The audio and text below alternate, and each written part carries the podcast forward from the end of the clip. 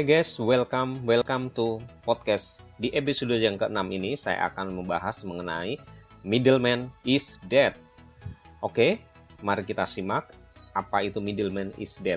Ya, middleman atau yang disebut sebagai perantara yang banyak menjadi topik diskusi saat ini sesungguhnya dapat berada di sisi upstream atau produsen membeli bahan baku dari supplier ataupun vendor atau sisi downstream produsen menjual barang ke konsumen. Dalam konteks supply chain management dapat berada pada sisi buy side atau sell side. Sedangkan dalam konteks pemasaran, middleman pada sisi sell side dikenal dengan istilah marketing channel yang merupakan bagian dari mata rantai pasokan atau distribusi produsen ke konsumen. Pada produk-produk consumer, rantai pasokan atau distribusi bisa sangat panjang dari produsen ke distributor nasional ke distributor tingkat provinsi, kabupaten, kemudian ke grosir ke retail besar maupun ke retail-retail kecil, bahkan sampai mungkin warung rombong, um, warung yang biasa atau warung kelontongan atau yang disebut juga kaki lima. Sedangkan materi rantai produk-produk durable umumnya atau sifatnya biasanya sangat pendek. Nah, secara umum, produsen dalam memasarkan produknya membutuhkan tiga jenis channel. Yang pertama adalah sales channel, kemudian yang kedua delivery channel, dan yang ketiga adalah service channel. Sebagian orang berpendapat di era digital yang saat ini betul-betul sangat luar biasa menggunakan dunia internet, digital ini punya peranan marketing yang sangat luar biasa. Bahkan digital ini punya peranan marketing channel disebut hmm, channelnya akan mati.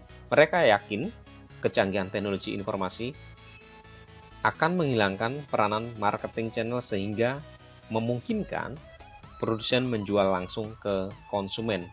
Nah, pertanyaannya adalah benarkah demikian?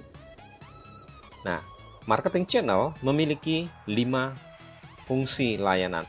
Yang pertama adalah lot size, kemudian adalah waiting time, kemudian adalah special convenience, kemudian adalah produk variatif, dan service backup.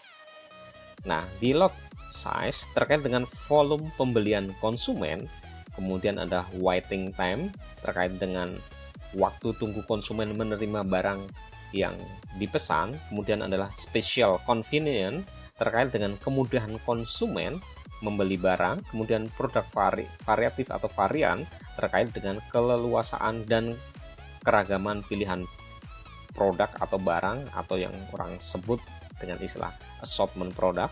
Sedangkan service backup terkait dengan layanan purna jual yang diperlukan konsumen terhadap produk tertentu seperti mungkin adalah kredit, pengiriman, instalasi, perawatan, dan perbaikan.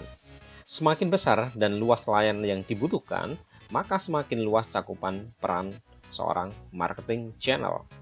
Nah, adakah produsen yang dapat menyiapkan infrastruktur sedemikian sehingga fungsi marketing channel seluruhnya mereka ambil alih? Jawabannya adalah tidak.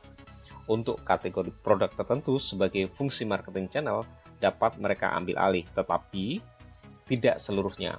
Produk-produk komputer seperti laptop misalnya, bisa saja produk produk tersebut kemudian produsen menjual langsung ke konsumen, tetapi tetap saja diperlukan marketing channel yang menjalankan fungsi dari service backup. Dan dapat terjadi sebuah situasi di mana konsumen saat itu memerlukan laptop baru karena yang lama mendadak rusak atau mungkin jebol ya. Oke, apakah produsen bisa menggantikan fungsi waiting time yang disediakan marketing channel? Ataukah ya, atau pernah Anda terbayang bahwa konsumen yang tinggal di desa ketika hendak uh, keramas atau uh, memakai sampo menyadari bahwa samponya habis dan kebiasaannya adalah membeli kemasan saset, kemudian pesan secara online ke produsen. Apakah Anda ketika sedang berada di jalan dan merasa kehausan lalu memesan online ke produsen air minum dalam kemasan?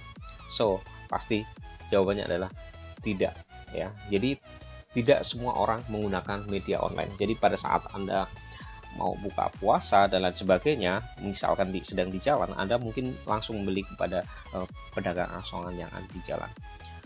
Kemudian adalah middleman atau marketing channel tidak akan mati. Yang terjadi saat ini adalah beberapa level middleman sebagai bagian dari rantai pasokan menjadi hilang digantikan oleh pihak lain dengan model bisnis yang berbeda seperti uh, Tokopedia, Zalora, Lazada, Jagomar.com, dan lain-lain yang pada hakikatnya juga merupakan middleman. Nah, jika Anda adalah middleman, patut untuk menganalisis apakah peran Anda akan mudah diambil oleh pihak lain atau tidak.